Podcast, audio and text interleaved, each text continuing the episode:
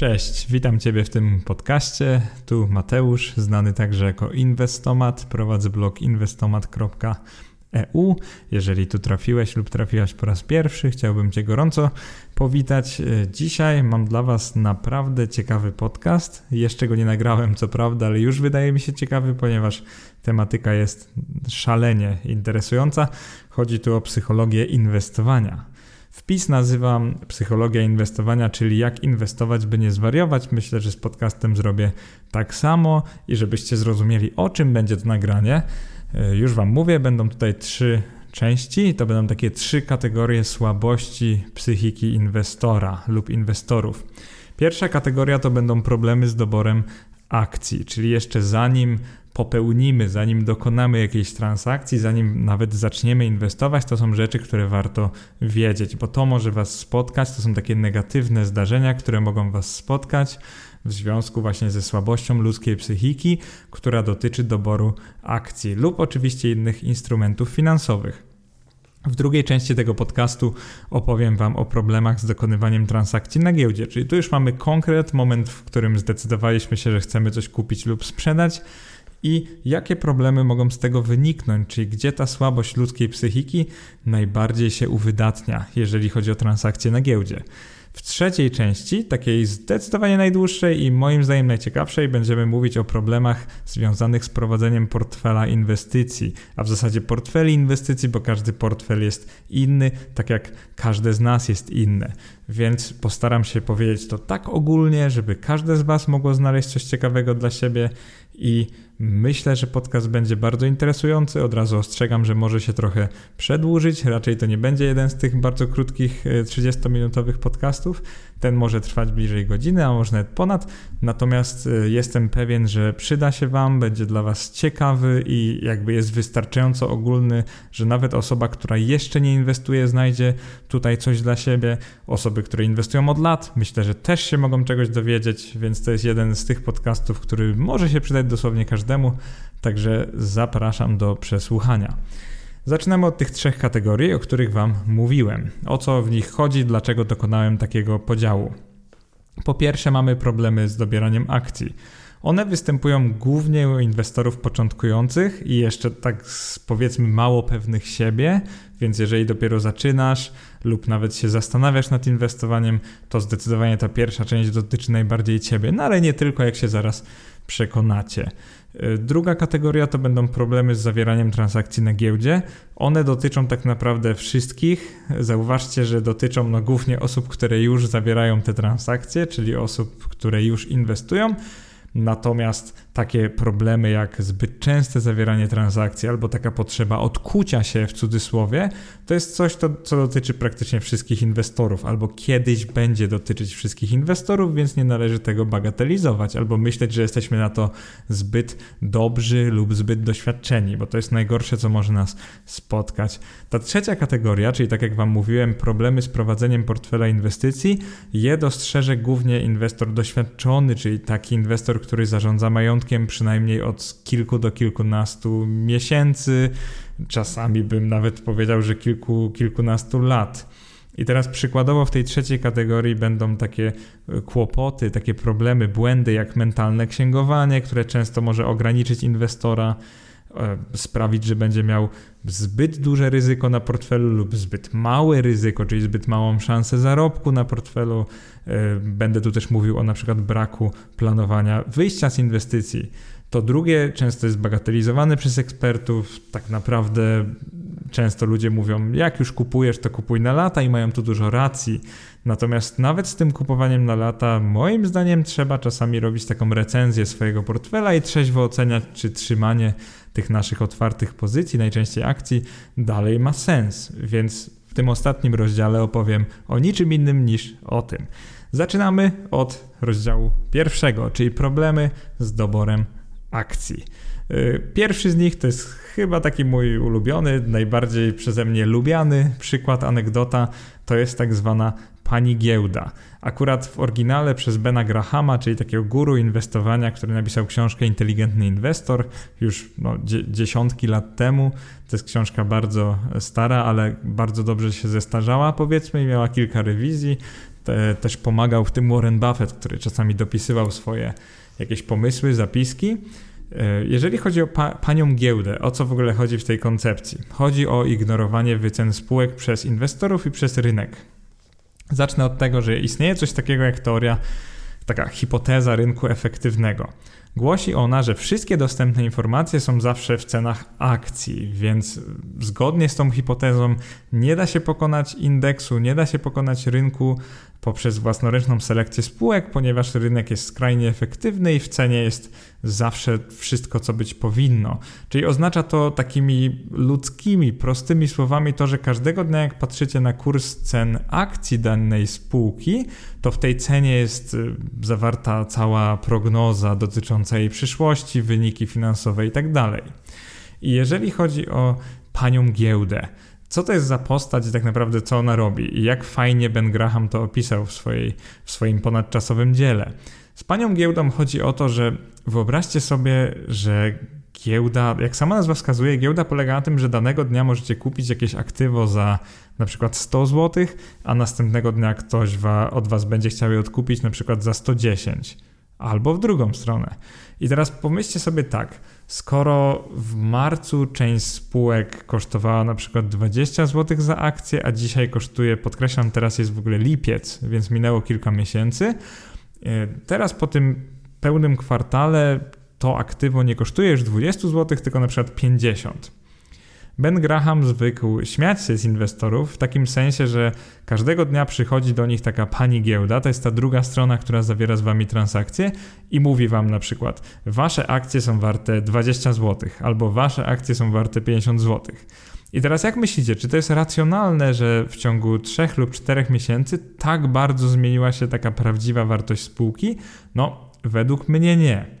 Nie wiem, jak wy uważacie, ale prawdopodobnie ta prawdziwa wartość spółki jest gdzieś pomiędzy tymi 20 a 50 złotymi. Oczywiście, żeby ją obliczyć, są na to metody, na przykład DCF, Discounted Cashflow. E, będę też o tym pisał w przyszłości na blogu, więc są metody, które pomagają inwestorom oszacować, ile jakby powinna być warta spółka za akcję. Natomiast to, że jednego dnia coś jest warte 20 zł, drugiego 50, można powiedzieć, że za 20 zł była wtedy promocja, bo może jednak jest warte 50, może warte jest 100, a może 10 zł.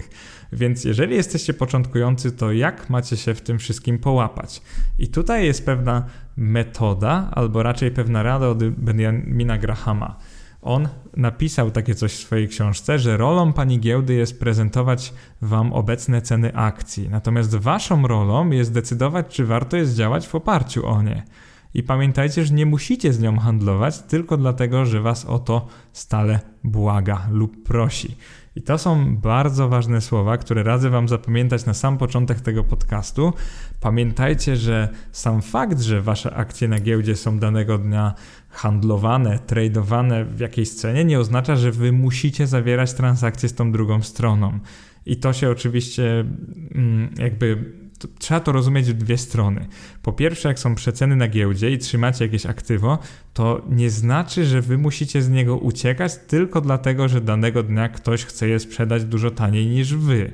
Więc jakby widzicie, że wasz majątek topnieje, ale pamiętajcie, że po drugiej stronie ludzie mogą być mocno irracjonalni. Czyli Ben Graham tutaj poleca wręcz od takiej osoby odkupić trochę tych aktywów. Na zasadzie wiem dobrze, dlaczego kupiłem za na przykład 40 zł, więc dlaczego miałbym nie dokupić za 20 zł? I oczywiście nie znaczy to, że każda przecena na rynkach akcji to jest okazja do zakupu. Oczywiście, że nie. Tylko pamiętajcie o tym, że to nie jest tak, że nawet będąc na papierze na jakimś wielkim minusie, wy musicie podejmować działanie. E, tak naprawdę moglibyście zapomnieć o giełdzie, przestać sprawdzać kursy, wrócić po roku lub kilku i nagle zobaczyć, że to, to samo jest warte 100 zł. Mm, I właśnie o to chodzi Benowi Grahamowi, żebyście może nie byli przywiązani tak bardzo do pani giełdy i żebyście umieli jej odmówić, kiedy ceny nie są na tym poziomie, na którym byście chcieli, żeby były. Więc to jest jakby pierwsza e, taka rada dla Was. I to jest od guru inwestycyjnego, nie, nie ode mnie osobiście, natomiast to jest coś, co bardzo dużo mi daje. I teraz, jeżeli chodzi o panią giełdę. Kiedy kupujecie akcje? Bo zauważyłem, że bardzo dużo ludzi kupuje akcje na przykład dlatego, że ich ceny rosną, czyli sprawdzają sobie maksymalne wzrosty danego dnia lub tygodnia i podejmują w oparciu o to decyzje, czyli chcą iść z tym tak zwanym trendem.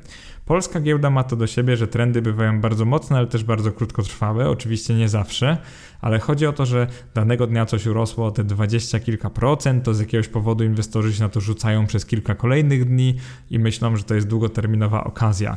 Więc tutaj nie mylcie spekulacji z inwestowaniem. Jeżeli tak robicie, to spekulujecie. Raczej pozbądźcie się takiej spółki szybko, bo mm, sami przyznajecie, że nie wiecie, dlaczego to kupiliście, poza tym, że ta cena rosła. Więc to jest z jednej strony coś, czego nie radziłbym robić. Z drugiej strony sprzedawanie akcji tylko dlatego, że ich ceny spadają, to jest w równej mierze błąd.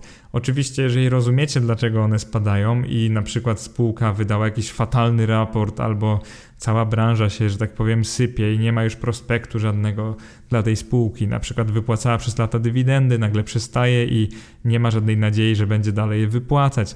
Oczywiście w takim wypadku możecie rozpatrzeć sprzedaż e, nawet na stracie. Wtedy to nie jest nic złego. Ale istotnym jest tutaj, żebyście rozumieli, dlaczego je sprzedajecie, czyli żebyście nie uciekali z pokładu tonącego statku tylko dlatego, że on tonie, tylko żebyście rozumieli, dlaczego to robicie i wtedy będziecie podejmować świadome decyzje. I teraz jaka jest metoda na tą panią giełdę i na jakby olewanie jej, powiedzmy sobie wprost, tak pejoratywnie aż? Y, myślę, że warto dokonywać gruntownej analizy zawsze przed dokonaniem zakupu oraz dokonaniem sprzedaży instrumentu finansowego, zwłaszcza przed tym drugim. Y, oczywiście przed pierwszym jest bardzo istotna, nie kupujcie na chybił trafił, na ślepo, chociaż jak później usłyszycie, że nawet na ślepo może Wam się trafić dobra okazja. Y, myślę, że warto się nauczyć analizy fundamentalnej w stopniu przynajmniej początkującym, czyli rozumieć podstawowe kilka wskaźników, E, marżowości, wyceny, oczywiście zadłużenia, e, sprawdzać dynamikę, jakieś takie podstawy podstaw. Nie musicie być super ekspertami, żeby potrafić przeczytać sprawozdania finansowe i to nie jest, to nie jest taka wiedza, której arkana, której pojęcie arkan zajmuje jakieś, nie wiem, całe lata. Powiem wam z autopsji, że to można naprawdę przez parę miesięcy można się tego nauczyć dość dobrze. Druga sprawa to oduczcie się sprawdzania rankingu popularności spółek i reagowania na plotki i tym podobne. Oczywiście, jeżeli z natury jesteście spekulantami, macie na to bardzo dużo czasu, to jak najbardziej korzystajcie z plotek, bo to trochę o to chodzi e, w takiej spekulacji poinformowanej. Natomiast jeżeli robicie to po godzinach jak ja, nie macie na to, wiecie, całego życia, tylko może parę godzin w tygodniu maksymalnie, no to bym raczej polecał Wam nie bazować Waszych decyzji na plotkach i tym podobnych, bo najczęściej wsiądziecie do tego pociągu już za późno, czyli po prostu będziecie tymi, których w internecie często nazywa leszczami, czyli którzy już dają innym zarobić, ale niekoniecznie sami zarabiają. Drugim problemem z kategorii dobór akcji na cztery, będą cztery problemy, jest przesadna wiara w autorytety. To jest jeden z moich ulubionych problemów z psychiką inwestora, bo jest wszechobecny praktycznie wszędzie. No i zaczyna się od naszych rodzimych social media, czyli Facebooka, Twittera tak tak nawet LinkedIna. Chodzi tutaj oczywiście o blogi finansowe, ekspertów rynkowych, jakieś portale finansowe itd. Tak I zauważcie, że jako inwestorzy indywidualni macie ciągle taką dużą ekspozycję na na przykład rynkowych ekspertów, pracowników banków, blogerów finansowych, tutaj się uśmiecham, czy chociażby waszych znajomych. I teraz większość tych ludzi albo wie, że inwestujecie, albo wy ich w ogóle widzicie, ich, ich wpisy, bo inwestujecie i was one e, ciekawią. I teraz Pamiętajcie, że wszyscy oni w pewnym momencie przemycą wam jakiś pomysł na inwestowanie waszych pieniędzy. I teraz w pewnym sensie chciałbym Was przed tym ostrzec, bo nawet jeżeli czyjeś pomysły brzmią rozsądnie, są poparte analizą, bardzo logiczne i tak jakby dodatkowo ktoś jest charyzmatyczny, więc jak do Was mówi, to do Was to trafia i tak dalej, i tak dalej, to pamiętajcie, że te Wasze pieniądze obracane są przez Was, a nie przez takiego mądrale. I teraz powiedziałem mądrale celowo, bo no łatwo jest się na to czasami nabrać, a czasami po prostu wiecie, niechcący zareagować na słowa innej osoby, a nie jakby pomyśleć samemu i zrobić własną analizę. I zacznę tutaj od pytania, odpytywania internautów na forach dyskusyjnych i grupach na Facebooku. No, z jednej strony ostatnio sam założyłem grupę na Facebooku i tutaj dzięki Ci Kamil za taką radę i w komentarzu i na Facebooku, bo gdyby nie Ty, to pewnie bym tego nie założył, e, więc tak osobiście Ci podziękuję. To myślę, że grupa to jest dobry pomysł, tylko żeby Wam wyjaśnić po co jest ta grupa i o co mi chodzi, no tak jak Wam odpisywałem w komentarzach i zwykle to było to była dyskusja wy i ja, to zauważyłem, że fajnie by mieć takie miejsce, gdzie możecie podyskutować ze sobą. Także to, co wam jakby chcę obiecać, to to, że nie, no nie będę dominował tej grupy i w grupie chodzi o to, żebyście wy sobie podyskutowali. Jeżeli, nie wiem, już nie ma nikogo, kto może wam odpowiedzieć, to oczywiście postaram się pomóc, ale nie biorę tego za pewnik. W moim przypadku moja jest strona na Facebooku i tam faktycznie różne tam newsy, ciekawostki wam przemycam i to jest takie moje medium, natomiast ta grupa to oczywiście jestem administratorem, ale no nie poczuwam się, że będę musiał tam dużo administrować lub dużo samemu pisać, więc bardzo mnie cieszy, że sami zaczęliście się tam udzielać. Dam wam przykład takiego pytania, które zauważyłem na innej grupie na Facebooku, które może być niebezpieczne dla inwestora. Pytanie brzmiało tak: to ja, to jest oczywiście nazwa spółki, ktoś wie, pod co są dzisiejsze wzrosty, czy warto jest zainteresować się tą spółką. I teraz pomyślcie sobie w ten sposób. Po pierwsze, pytanie jest do nieznajomych i do internautów, czyli to może być prawdziwy człowiek, to może być, no nie wiem, jakieś fake konto i ktoś robiący sobie po prostu z was jaja, mówiąc potocznie mm, i kolokwialnie. I to, co chcę powiedzieć, to to, że takie pytanie losowych internautów może się bardzo źle skończyć, bo jeden napisze tak, warto, wpompujcie w to cały majątek, drugi napisze nie, to jest tam zgniłe jajo i tak dalej, natomiast to będą opinie. I uważajcie na opinie, bo one czasami mogą wam pomóc, ale równie często was na coś, ja to nazywam, nagonią albo może odwiodą waszą uwagę od czegoś, czym się powinniście zainteresować. Więc powiem tak, nawet na tej grupie, którą założyłem, Myślę, że to jest jak najbardziej dopuszczalne, żeby się pytać, natomiast pytajcie, jak już będziecie po własnej analizie lub będziecie mieli jakieś konkretne powody, dla których pytacie, czyli dużo fajniejsze są pytania typu właśnie zrobiłem analizę finansową, wydaje mi się, że te wyniki będą rosły w takim i w takim tempie, spółka nie jest zadłużona, segment wygląda fajnie, ma mądry zarząd, co o tym myślicie? I zauważcie, że takim pytaniem możecie pomóc innym, bo możecie im wskazać jakąś fajną spółkę, możecie dostać fajną odpowiedź, bo może ktoś dokonał jeszcze lepszej analizy niż wy, więc jakby możemy sobie wszyscy tym pomóc. Natomiast takim rzucaniem typu Tauron, dlaczego dzisiaj rośnie, pamiętajcie, że nikt nie wie, dlaczego dzisiaj rośnie. To nie jest takie oczywiste i musielibyście spytać wszystkich inwestorów, bo może rośnie bez powodu. Więc to jest pierwszy problem z wiarą w autorytety, kiedy autorytetem nazywacie lub uważacie nawet jakiegoś losowego internautę. Druga sprawa to są internetowi guru, dający porady inwestycyjne. I internet aż roi się od osób, które mają mocne opinie na temat inwestowania. Jedni lubią kryptowaluty, inni złoto lub srebro, jeszcze inni akcje, inni was odwodzą od obligacji, jeszcze inni wam polecają obligacje. Szczerze mówiąc, można zwariować. E, całe szczęście dla mnie, ja zacząłem od e, kilku takich bardzo drobnych, małych blogów o inwestowaniu, które swoją drogą bardzo polecam na pewno zamieszczę w polecanych. W końcu e, ci ludzie niestety już w większości nie prowadzą działalności, no ale naprawdę dali mi bardzo dużo w tych moich wczesnych latach inwestowania. E, za co chciałem im też podziękować. Natomiast e, powiem Wam tylko tak, to nie były osoby, które dawały konkretne typy inwestycyjne, a raczej robili różne analizy i pokazywali sposób myślenia, jakim się kierują. Także oni naprawdę edukowali, ale nie dawali gotowców. E, co było naprawdę super. E, plus te książki. Zauważyłem, że często ludzie marnują dużo czasu na Facebooku, nawet na różnych blogach. Nie mówię, że spędzanie czasu na blogach to jest marnowanie czasu, bo to jest tak, jakbym was, e, wiecie, odwodził od czytania mojego bloga, to jest trochę, no nie wiem, nie, powinno mieć sensu, tak? Że bloger nagrywa dla was taki podcast, w którym wam mówi, żebyście nie czytali blogów. To jest absolutnie bezsensowne. Chodzi mi o coś innego. E, przeczytajcie parę książek, może zacznijcie od książek, miejcie jakąś ugruntowaną wiedzę na temat inwestowania, miejcie jakiś swój pogląd i wtedy czytajcie blogi, bo uważam, że fajnie, jeżeli ukształtujecie się na książkach, a nie na blogach.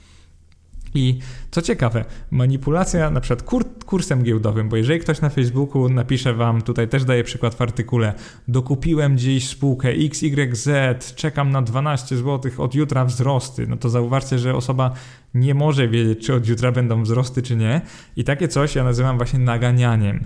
I co ciekawe, y, jest coś takiego w prawie polskim jak zakaz manipulacji kursem giełdowym. To jest w artykule 39 ustawy o papierach wartościowych o obrocie instrumentami finansowymi. Ona się nazywa z dnia 29 lipca 2005 roku. I jej fragment, taki mój ulubiony, stanowi coś takiego. Zakazana jest manipulacja instrumentem finansowym, zwana dalej manipulacją. I wtedy punkt drugi. Manipulację stanowi rozpowszechnianie za pomocą środków masowego przekazu, w tym internetu lub w inny sposób fałszywych lub nierzetelnych informacji albo pogłosek, które wprowadzają lub mogą wprowadzić w błąd w zakresie instrumentów finansowych. Tutaj mamy coś o właśnie sianiu plotek, które mogą wprowadzić w błąd. I zauważcie, jak to jest wszechobecne na forach i w internecie, gdzie ludzie są zazwyczaj anonimowi, więc no, ciężko ich jakoś e, pociągnąć do odpowiedzialności. Jeszcze ciekawszy jest tutaj punkt ósmy. On stanowi uzyskiwanie korzyści majątkowej z wpływu opinii dotyczących instrumentów finansowych lub ich emitentów wyrażanych w środkach masowego przekazu w sposób okazjonalny lub regularny na cenę posiadanych instrumentów finansowych, jeśli nie został publicznie ujawniony w sposób pełny i rzetelny występujący konflikt interesu. I tu chodzi o coś takiego, co jest dość popularne. Jeżeli ekspert no, bezpośrednio chwali lub krytykuje dane aktywo, no to musi na początku na przykład wpisu zawrzeć taki, taką informację, że y, deklaruję, że posiadam pewne papiery wspomniane, wspomniane w tym wpisie, a więc może nastąpić konflikt interesów. To jest bardzo istotne, żeby tak robić. Natomiast ja bym jako bloger powiedział wam inaczej. Chyba jeszcze ważniejsze jest w ogóle ani nie umieszczać takiej informacji, ani nie namawiać na cokolwiek. To jest chyba najlepsze, co blogerzy mogą robić.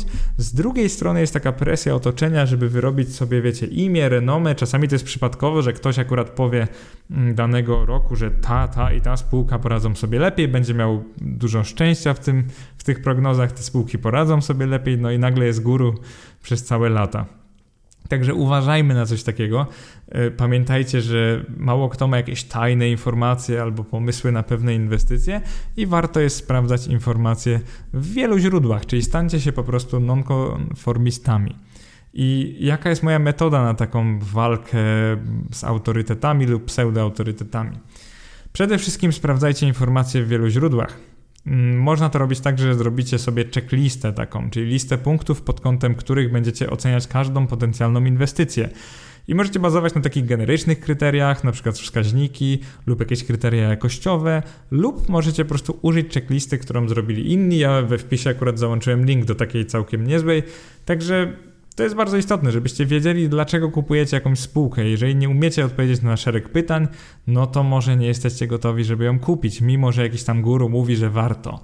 Więc po prostu wyróbcie sobie ten nawyk y, krytykowania, czyli krytycznych umysłów.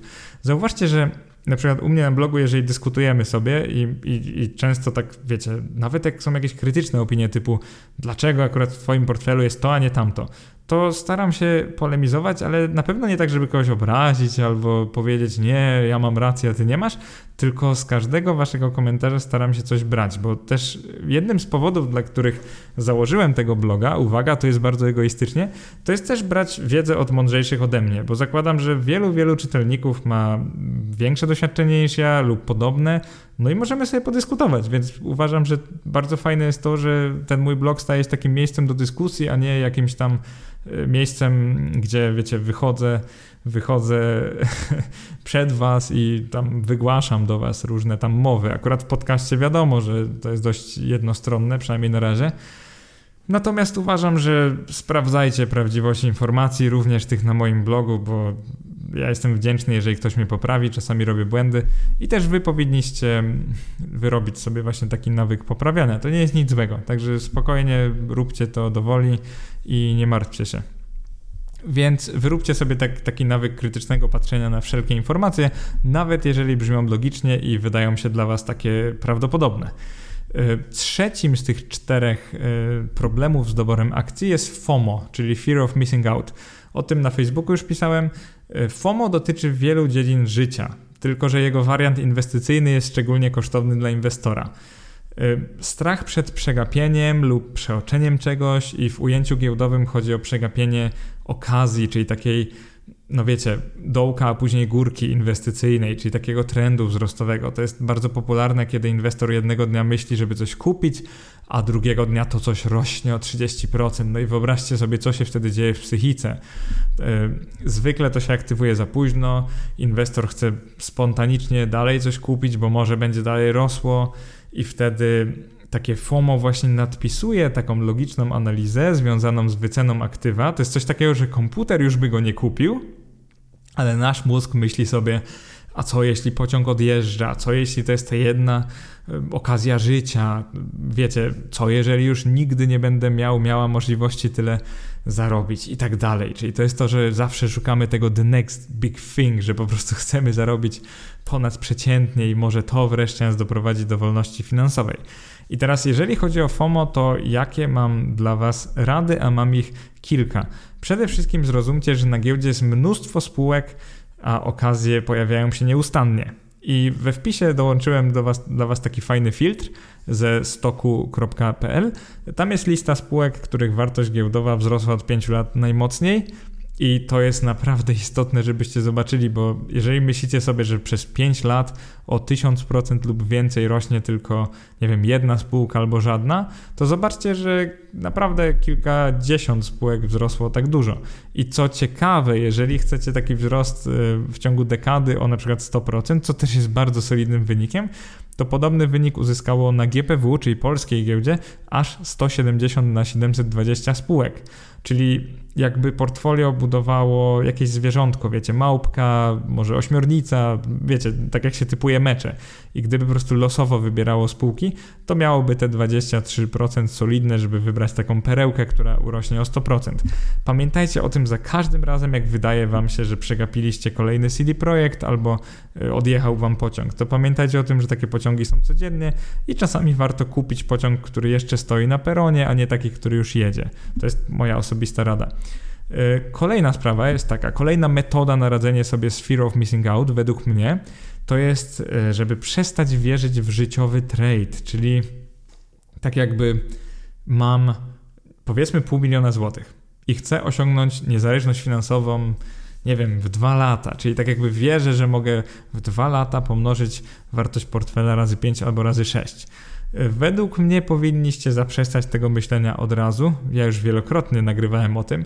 Po prostu pamiętajcie, że jeżeli indeksy zyskują, nie wiem, 8, 7-8% brutto w ciągu roku i mówię o tych najlepszych, S&P 500, Nasdaq i tak dalej. Jeżeli te indeksy zyskują tyle, a nie, a nie mniej lub więcej, to jeżeli wierzycie, że uda Wam się uzyskać 10% rocznie brutto, to myślę, że jest to możliwe. Natomiast jeżeli wierzycie w jakieś 50%, 100% i tak dalej, no to jest to dość mało prawdopodobne. Więc pytanie do Was brzmi, czy naprawdę oceniacie siebie jako, nie wiem, pół procenta najlepszych inwestorów? Czy macie na to aż tyle czasu? Skąd wiecie, że macie takie umiejętności? Czy wasze ego może trochę nie przyćmiewa wam tej, tego realizmu sytuacji i tak dalej.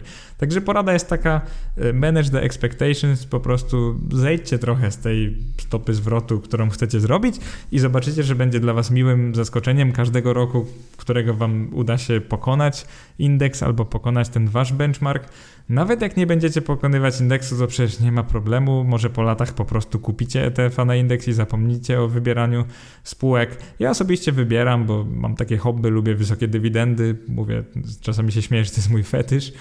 Natomiast yy, to jest metoda walki z FOMO. Po prostu miejcie oczekiwania na takim normalnym, ale godnym poziomie, nie przesadzajcie i wtedy nie będziecie czuli, że coś strasznego, bo całym portfelem nie weszliście w jakąś spekulacyjną spółkę, nie zarobiliście w jeden dzień 30%.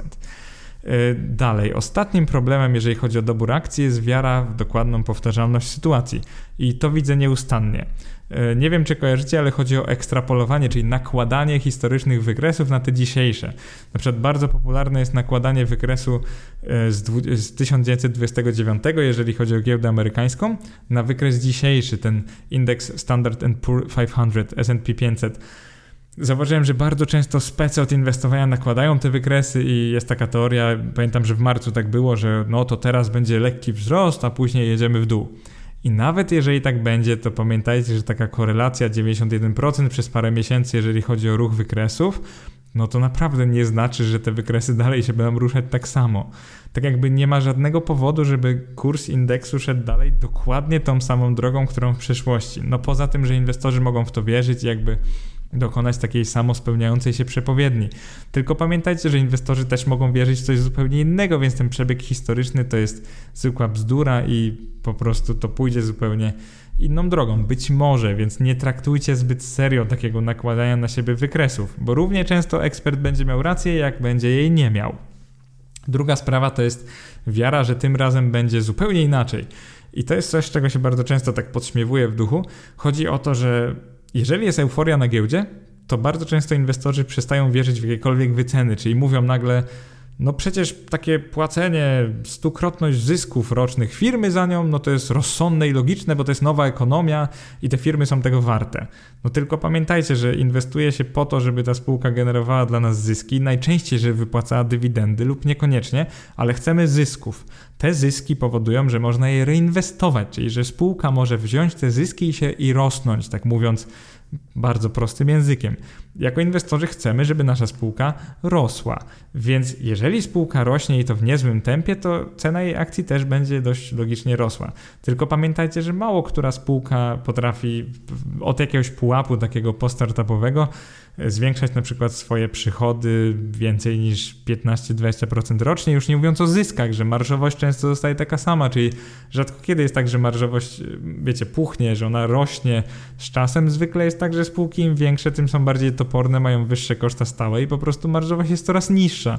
Więc no, takie oczekiwanie, że nie wiem, nasi dziadkowie 40-50 lat temu akceptowali cenę do zysku na przykład na poziomie 15, a dzisiaj my musimy akceptować 50, bo to jest nowa ekonomia, no to powiem wam szczerze, że no nie przemawia to do mnie. Jakoś tak uważam, że te najcięższe jabłka na drzewie, one spadną z najgłośniejszym hukiem i po prostu musimy, powinniśmy na to uważać. Także tym bym zakończył część pierwszą o problemach z doborem akcji. No i przechodzimy płynnie do części drugiej, bardzo ciekawej, problemy z dokonywaniem transakcji na giełdzie. Czyli powiedzmy, że już znaleźliśmy interesującą nas spółkę lub ETF-a i chcemy dokonać zakupu. I powiedzmy, że nasza analiza była bardzo gruntowna, ocenił ją ktoś znajomy, doświadczony inwestor i pozornie nie ma w tym żadnych luk. No i co teraz może pójść nie tak? Czy jeszcze jest coś, co może pójść nie tak? No i owszem, mamy dobrą spółeczkę. Podoba nam się, jest tania, wypłaca dywidendy, no po prostu ideał. Pierwsza sprawa, zbyt częste zawieranie transakcji. To jest coś, co naprawdę lubi wasz broker lub makler, bo wtedy płacicie im często prowizję. Natomiast takie, wiecie, traktowanie akcji jak gorącego kartofla, czyli kupujemy dzisiaj, sprzedajemy za miesiąc, bo na przykład trochę wzrosła, a później znowu spada, gdzieś tam rośnie, kupujemy znowu i tak dalej. Mm, bardzo często słyszę o takich historiach, że inwestor przez kilka lat kupował i sprzedawał papiery wybranej spółki na przykład dwudziestokrotnie. Zazwyczaj jest tak, że gdyby po prostu raz kupił i trzymał przez te wszystkie lata, to by wyszedł na tym lepiej. I nawet jeżeli miał tak zwany dobry timing, czyli kupował na dołkach, sprzedawał na górkach, to zauważcie, że sam wpływ prowizji robi swoje. Więc przede wszystkim pamiętajcie, że na, z waszej częstotliwości transakcji najwięcej ma wasz makler. Y, który się pochwali na pewno innym znajomym maklerom, że ma takiego klienta, może prywatnie będzie się z was trochę podśmiewywał. To jest takie. No jak to zwalczyć, właśnie, jak to zwalczyć? To jest bardzo istotne.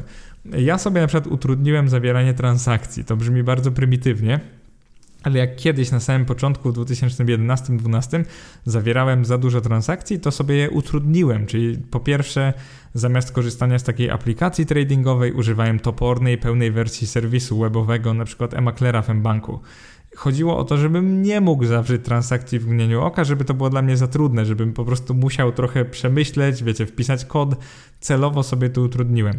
Niektórzy z Was mogą się teraz śmiać, bo pomyślicie zaraz, zaraz, XXI wiek, wszystko musi być jak najprostsze, jak najszybsze. No i oczywiście, jeżeli robicie taki trading, no to tak, to, to się z Wami zgadzam. Jeżeli jesteście traderami, musicie mieć świetne narzędzie takie out of the box, które będzie w stanie w każdej chwili wam coś sprzedać i kupić.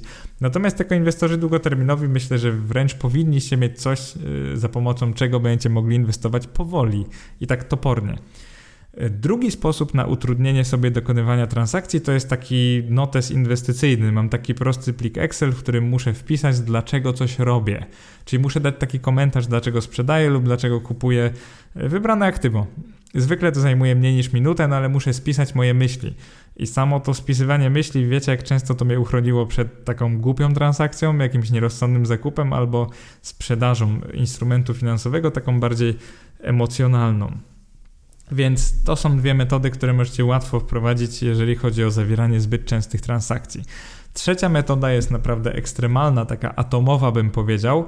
To jest konsultacja z zaufaną osobą każdej transakcji, zanim jej dokonacie. I teraz zauważcie, że Warren Buffett ma swojego Charlie'ego Mungera. Oni razem podejrzewam, że dyskutują o wielu transakcjach, jeżeli nie wszystkich. Historycznie wiem, że dyskutowali więcej niż teraz. I takie podejście może Was bardzo często uchronić przed utratą pieniędzy.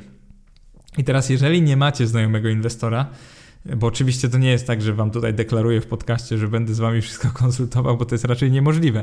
Ale po to tą grupę założyłem. Myślę, że to jest dobry sposób. Dołączcie do tej grupy dyskusyjnej Inwestomat na Facebooku i po prostu dajcie takie ogłoszenie. Wiecie, to nie jest może grupa matrymonialna, ale nie ma w tym nic złego, jeżeli napisze, napiszecie, jakie jest wasze podejście do inwestowania i po prostu spytacie, może ktoś by chciał ze mną e, konsultować tak wzajemnie jakieś najbliższe ruchy, może portfel i tak dalej. Więc nie tylko na grupie, bo oczywiście możecie dać, wystawić pod ostrzał wasz portfel, ale równie dobrze możecie się umówić z drugim inwestorem na waszym poziomie, żebyście razem spojrzeli na jakieś spółeczki, na jakiś pomysł portfela i po prostu zastanowili się razem, bo pamiętajcie, że możecie sobie bardzo pomóc. No i chyba o to chodzi, żeby sobie pomagać. I jeżeli powiecie, jest XXI wiek, wszystko się robi za pieniądze, co ty gadasz, powinieneś to sprzedać i tak dalej, no to jak najbardziej. Myślę, że jeżeli wam to się może przydać, to w pewnym momencie będę sprzedawał tego typu konsultacje. Czemu nie? Założę firmę i będę to robił. Natomiast póki co ta grupa jest właśnie po to, żebyście mogli sobie na spokojnie porozmawiać z osobą gdzieś tam na waszym e, poziomie, możecie prywatnie, możecie na grupie, no i po prostu utrudnijcie sobie zawieranie transakcji w ten sposób, żeby ktoś musiał dać takie OK, ma to sens, nie widzę tu żadnych luk, po prostu to zróbcie, raczej to jest mądra transakcja. E, kolejny problem, jeżeli chodzi o zawieranie transakcji na giełdzie, czyli drugi z trzech, to jest odkupowanie spółek, które rosną dalej. To jest trochę typ tego FOMO, o którym wcześniej mówiłem, Czyli zamykacie pozycję zwykle na stracie. Y, dajmy na to, że kupiliście za X, teraz cena tych akcji jest na przykład 90% X i sprzedajecie, bo wam się aktywował stop loss, albo się po prostu boicie trzymać dłużej danej, danej spółki. I wyobraźcie sobie, że po kilku dniach spada do na przykład 70% tej oryginalnej ceny zakupu i myślicie sobie, kurczę, mieliśmy rację, dobrze sprzedaliśmy, bo to spada, bo to niebezpieczna spółka i tak dalej. No i w tym momencie być może zapomnieliście, że cały rynek spada, nie ta sama spółka, może to jest jakaś panika, może to nie ma jakiegoś gruntownego sensu. Więc wywołujecie u siebie takie emocje, sprzedajecie, cieszycie się i nagle ta spółka po paru miesiącach jest warta 110% tego, za co ją kupiliście wcześniej. No i myślicie sobie, cholera, może to był błąd może powinnam, powinienem dalej trzymać te papiery. Może jednak to była dobra inwestycja, ale byłem, byłam głupia, że nie kupiłam więcej tych papierów. No i pomyślcie sobie w ten sposób. To jest bardzo częste. I co można z tym zrobić? No bo takie odkupowanie ciągle się raczej źle dla was skończy. Po prostu będziecie tymi typowymi inwestorami, którzy sprzedają na dołkach, kupują na górkach. E, tak się o nich mówi. I teraz co można z tym zrobić? Moja metoda, która znowu zabrzmi prymitywnie, to jest usuwanie sprzedanych spółek ze swoich notowań lub radaru. Ja naprawdę to robię. I pomyślcie sobie, że to jest szalone, bo czasami przegapię świetną okazję i tak dalej. I powiem Wam szczerze, jak zrozumiecie zaraz w tej części o portfelu, czyli tej części trzeciej, zawsze staram się sprzedawać nie bez powodu. Więc jeżeli mam powód do sprzedaży, to na przykład uważam, że coś jest za drogie, albo ta spółka już nie jest taka dobra, jak myślałem wcześniej, mm, albo przestała płacić dywidendy, no z jakiegoś powodu to robię. I jeżeli to robię z jakiegoś powodu, to równie dobrze mogę usunąć ją z radaru. No bo czy to jest ważne, że ona dalej będzie rosła na przykład? No nie aż tak, bo mam dobrą pozycję, powiedzmy miałem zysk, jestem szczęśliwy, to może czas poszukać innych y, możliwości. I zauważcie, że mogę do niej wrócić na przykład za rok lub dwa, jeżeli znowu cena będzie okazyjna, albo może się wręcz okazać, no dobra, nie miałem racji, rosła szybciej niż myślałem, ale chodzi mi o to, żeby nie odkupować jej następnego dnia lub w tym samym tygodniu, wiecie, dwa razy drożej na przykład. Nie chcę, żebyście mieli to poczucie, że popełniliście błąd. To jest chyba najgorsze, co się może Wam wydarzyć. Pamiętajcie, że każdy zysk jest zyskiem, więc nawet jeżeli kiedyś sprzedacie coś za szybko, na przykład na 10% zysku, a będzie niedługo 30%, to nie patrzcie na to, że jesteście jakimiś fatalnymi inwestorami, że nie umiecie wyczekać i tak dalej, bo równie często takie podejście Was uchroni przed jakimiś głupotkami, czyli trzymaniem czegoś za długo, spekulacyjnie i bez powodu. Więc to był ten drugi e, problem z dokonywaniem transakcji, to było odkupowanie spółek, które rosną dalej. Ostatni problem to jest paniczna sprzedaż i odkuwanie się po stracie, a zwłaszcza to odkuwanie się po stracie. I teraz, zanim w ogóle zaczniecie prowadzić portfel, bo już zaraz przejdziemy do portfela inwestycyjnego, powinniście sobie odpowiedzieć na bardzo ważne pytanie, a konkretnie, jaka jest maksymalna akceptowalna przeze mnie strata? To się z angielska nazywa drawdown i chodzi o to obsunięcie kapitału, czyli nic innego jak takie lokalne minimum mierzone od poprzedniego szczytu. Jeżeli brzmi zbyt naukowo, to po prostu wyobraźcie sobie, że wasz portfel jest wart e, znowu 100 tysięcy, to jest takie lokalne maksimum, nigdy nie był tyle wart i nagle mm, powiedzmy spada do 80 tysięcy. No i co czujecie wtedy? Macie ten drawdown w wysokości 20%. Pytanie, czy akceptujecie takie straty, czy jesteście w stanie je zaakceptować, bo jeżeli wiecie, dlaczego coś kupowaliście, no to w teorii powinniście to po prostu trzymać jak najdłużej. I tutaj przychodzi z pomocą y, Philip Fisher, to jest autor kolejnej z moich ulubionych książek. Ta książka się nazywa Zwykłe akcje, niezwykłe zyski. Y, bardzo ją Wam polecam. Na blogu mam taki link afiliacyjny do księgarni maklerska, y, więc jeżeli kupicie go tam, to tam parę złotych zawsze będę miał na ten hosting, także serdeczne dzięki. Phil Fisher powiedział, albo raczej napisał w tej książce coś takiego. Wszystko zależy od celu inwestycyjnego, jaki sobie postawisz i jakie dopuszczalne straty jesteś w stanie zaakceptować. Taki przedział inwestycyjny warto nakreślić sobie od razu. Wtedy każdy moment na inwestycje staje się dobry. I to jest właśnie paradoks, że zwłaszcza market timerzy, czyli ci, którzy czekają na przykład na tanie akcje, to jest coś, co ja robię ostatnio na przykład, yy, popełniają ten błąd, że w zasadzie to zawsze da się znaleźć pewne okazje i każde ryzyko da się zaakceptować, jeżeli je sobie zarysuje, wyobrazi i zrobi taką dogłębną analizę. Więc myślę, że można sobie zrobić, nawet powinno się zrobić taką analizę ryzyka, sprawdzić ten maksymalny drawdown, zanim jeszcze zaczniecie inwestować. Czyli po prostu zrozumcie, w co inwestujecie, a nie później uciekajcie, e, jak te wiecie, kury stonącego pokładu. Mm, metoda to jest taka. Nie ryzykujcie nadmiernie, nie wykonujcie emocjonalnych ruchów, nawet jeżeli będziecie chwilowo na minus. I tu przychodzi z pomocą ankieta MIFID. Jeżeli nie kojarzycie, co to jest, to jest ankieta, którą od dwóch lat musi wypełnić każdy inwestor przy zakładaniu konta maklerskiego. W artykule Wam podlinkowałem takie właśnie fajne pytania z niej, także możecie sobie zobaczyć, jak ona pomaga Wam w takim odpowiedzeniu sobie, jak reagujecie na krótkotrwałe straty na giełdzie. Myślę, że to pytanie powinien sobie zadać każdy. Tylko teraz uważajcie, bo w teorii możecie odpowiedzieć, że jeżeli coś spadło, to korzystając ze spadku cen dokupicie te instrumenty, natomiast w praktyce możecie być jednymi z tych, którzy coś panicznie sprzedają, więc jakby myślę, że taki chrzest bojowy powinien przejść każdy i dopiero przy takiej stracie na papierze zobaczycie, czy jesteście w stanie wytrzymać albo nawet dokupić, czy musicie coś sprzedać. Więc pierwszą metodą zróbcie sobie ankietę MIFID, zrozumcie, e, jak zareagujecie na bycie na minusie chwilowo. Drugą metodą na paniczną sprzedaż jest, e, uwaga, uwaga, cenzura wyniku inwestycyjnego jako kwoty. No, jeżeli macie duży portfel, to kto powiedział, że musicie pokazywać sobie, że na przykład tracicie 100 tysięcy złotych? Bo zupełnie inaczej brzmi, że stracicie na przykład 8% swojego portfela, bo pamiętajcie, że ktoś, kto ma no, małe środki, to 8% dla niego to nic, ktoś, kto ma ogromne, to może być wielka część majątku, mimo że procentowo to jest to samo. E, ludzka psychika działa tak, że łatwiej jest nam akceptować te procenty, bo są dla nas takie bardziej abstrakcyjne. Więc nieraz już zauważyłem, że warto czasami cenzurować ten wynik całościowy, a zostawić tylko procentowy. I wtedy nagle przestajemy robić jakieś głupie, paniczne ruchy, i nagle po latach to, co było stratą, okazuje się zyskiem, i nagle jesteśmy inwestorami e, takimi z sukcesami. I to jest właśnie taka ironia inwestowania na giełdzie. Bardzo prosta rada, ale myślę, że może się Wam przydać, więc nie bagatelizujcie. Tylko pamiętajcie o tym, że można takie coś zrobić. I kolejna sprawa to jest przestańcie traktować swoją stratę na jednej pozycji w sposób unikalny, taki unikatowy. Chodzi tu o to odkuwanie się po stracie. Zauważcie, że wasz portfel inwestycyjny nie wie, że jesteście na stracie na jakiejś spółce. W sensie on was za to nie wini, że tak powiem. Czyli wy wiecie, że na przykład jesteście na stracie przez jakąś spółkę, ale to nie jest tak, że pieniądze, które pochodzą z tej felernej spółki, bo powiedzmy sobie, że sprzedaliście ją, to nie jest tak, że pieniądze musicie znowu inwestować ryzykownie, żeby się odkuć. Tak naprawdę nie, nawet nie powinniście tego robić. Więc mm, to nie działa w ten sposób, że jeżeli na czymś straciliście parę tysięcy, to teraz te parę tysięcy trzeba przemnożyć kilkukrotnie, żeby się odkuć. To nie ma znaczenia.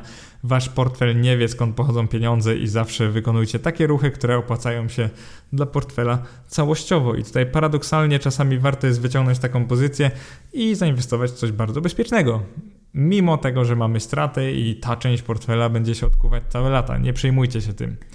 E, przechodzimy do części trzeciej, chyba najciekawszej z nich problemy z prowadzeniem portfela inwestycji. Najciekawszej dlatego, że będziecie mieli ciągle, jak już macie portfel inwestycyjny.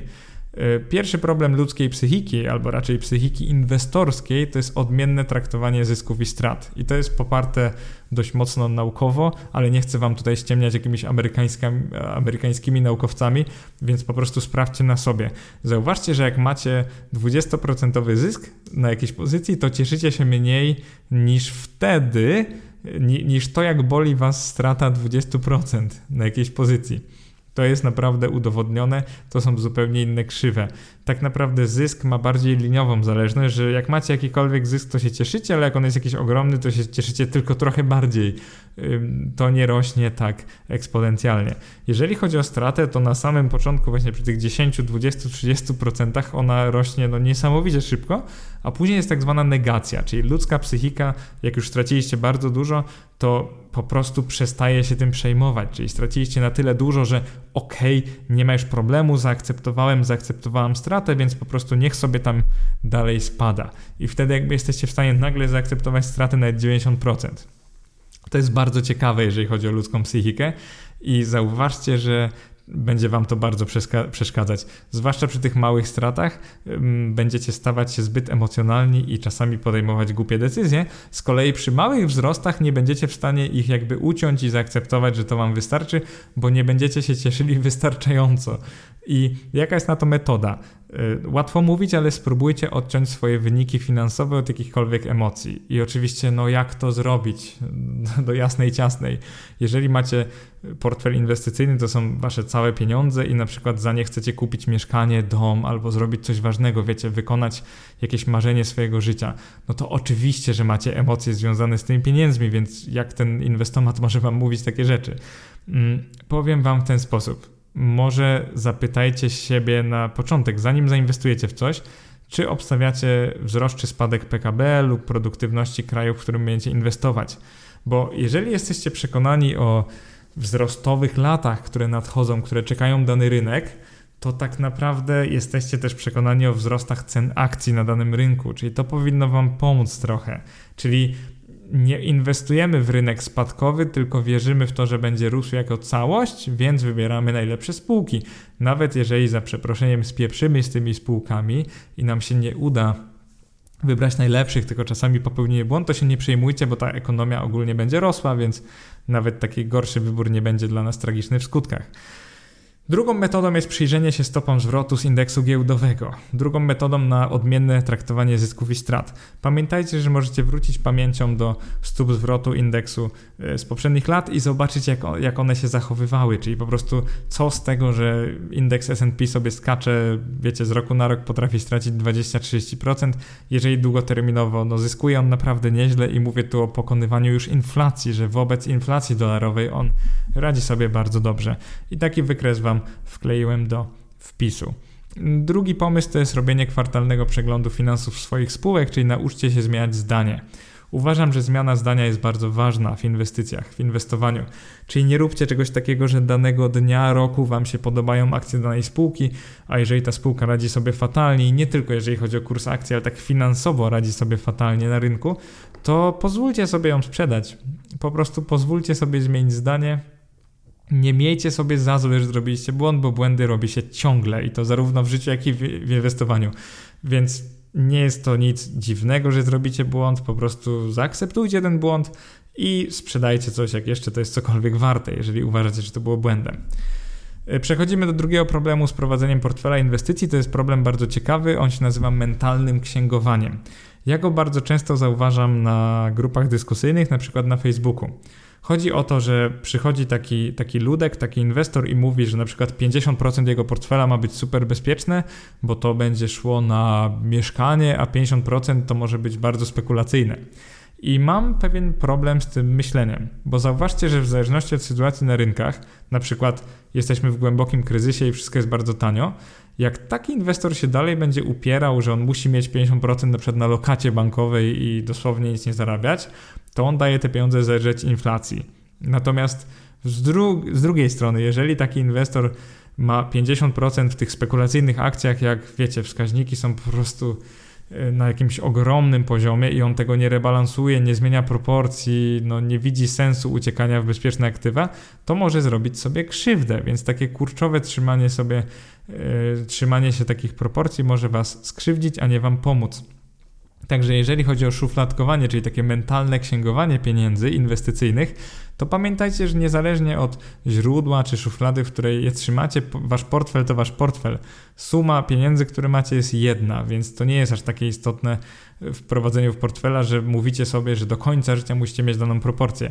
Ja sugeruję raczej mieć kilka proporcji na różne czasy i przełączać między nimi, czyli nauczyć się mieć taki portfel, który też się zmienia w zależności przykład od wycen akcji na giełdach lub stóp procentowych. To jest coś mądrego, co możecie zrobić i to wcale nie jest błąd, więc pozwólcie sobie zmieniać zdanie, ale też proporcje portfela, tak żeby wam to się maksymalnie opłaciło, a nie żebyście byli wierni jakiejś zasadzie, którą wymyśliliście lata temu i już po prostu może się nie sprawdzać. Problemem chyba największym z tego zestawienia będzie ciągłe sprawdzanie kursów swoich spółek. To jest coś, co głównie robią początkujący i tu chodzi o to, że kupujecie akcję po raz pierwszy, po kilku dniach macie plus 5% i myślicie sobie, ach ci frajerzy z pieniędzmi na lokatach, ale jesteśmy cwani, ale byliśmy głupi, że przez lata omijaliśmy giełdy szerokim łukiem. I nawet mówicie to znajomym, chwalicie się i mówicie, ach ta giełda to jest super, tu wszystko rośnie, jest niesamowicie. Sprawdzacie następnego dnia, jesteście trochę na minus i tak dalej, i tak dalej. I wyobraźcie sobie sytuację, w której odświeżacie to tak często, że nie robicie nic innego, nie macie czasu na normalne życie, przestajecie się koncentrować na pracy, czego naprawdę nie polecam. Jeżeli jesteście gdzieś zatrudnieni, no to naprawdę skupcie się na tej pracy. I to, co chcę Wam powiedzieć, to użyjcie tego czasu po godzinach, żebyście na przykład edukowali się, czytali książki albo dobierali e, lepsze papiery do swojego portfela. Starajcie się po prostu wykorzystać to konstruktywnie, czyli przestańcie sprawdzać ciągle te kursy akcji. I co można z tym zrobić? Przede wszystkim, tak jak mówiłem, zająć się czymś innym. To nie jest takie proste, więc żeby Wam pomóc, na przykład możecie pozbyć się z zakładek, z bookmarków strony z aktualnymi kursami spółek. I brzmi to zabawnie, bo to jest znowu takie coś, że ukrywacie przed sobą coś, ale to działa, więc wierzcie mi, że ukryjcie, nawet zablokujcie sobie stronę do sprawdzania kursów, przynajmniej w tym miejscu, gdzie spędzacie większość czasu na tym komputerze i będziecie mi wdzięczni po czasie, bo nie będziecie podejmować jakichś głupich, emocjonalnych decyzji, tylko po prostu będziecie naprawdę inwestować długoterminowo. To, to trochę odnosi się do pani giełdy. Pamiętajcie, że nie musicie zawsze iść na te ceny, które są na giełdzie. Możecie wręcz zapomnieć, że te notowania istnieją, czyli takim dobrym pomysłem na inwestowanie długoterminowe jest zapomnienie, że w ogóle można akcje sprzedać lub kupić, czyli po prostu zapomnienie o giełdzie. Kolejną ważną rzeczą związaną z prowadzeniem portfela inwestycji jest brak planu wyjścia z niej. Bardzo istotny błąd według mnie.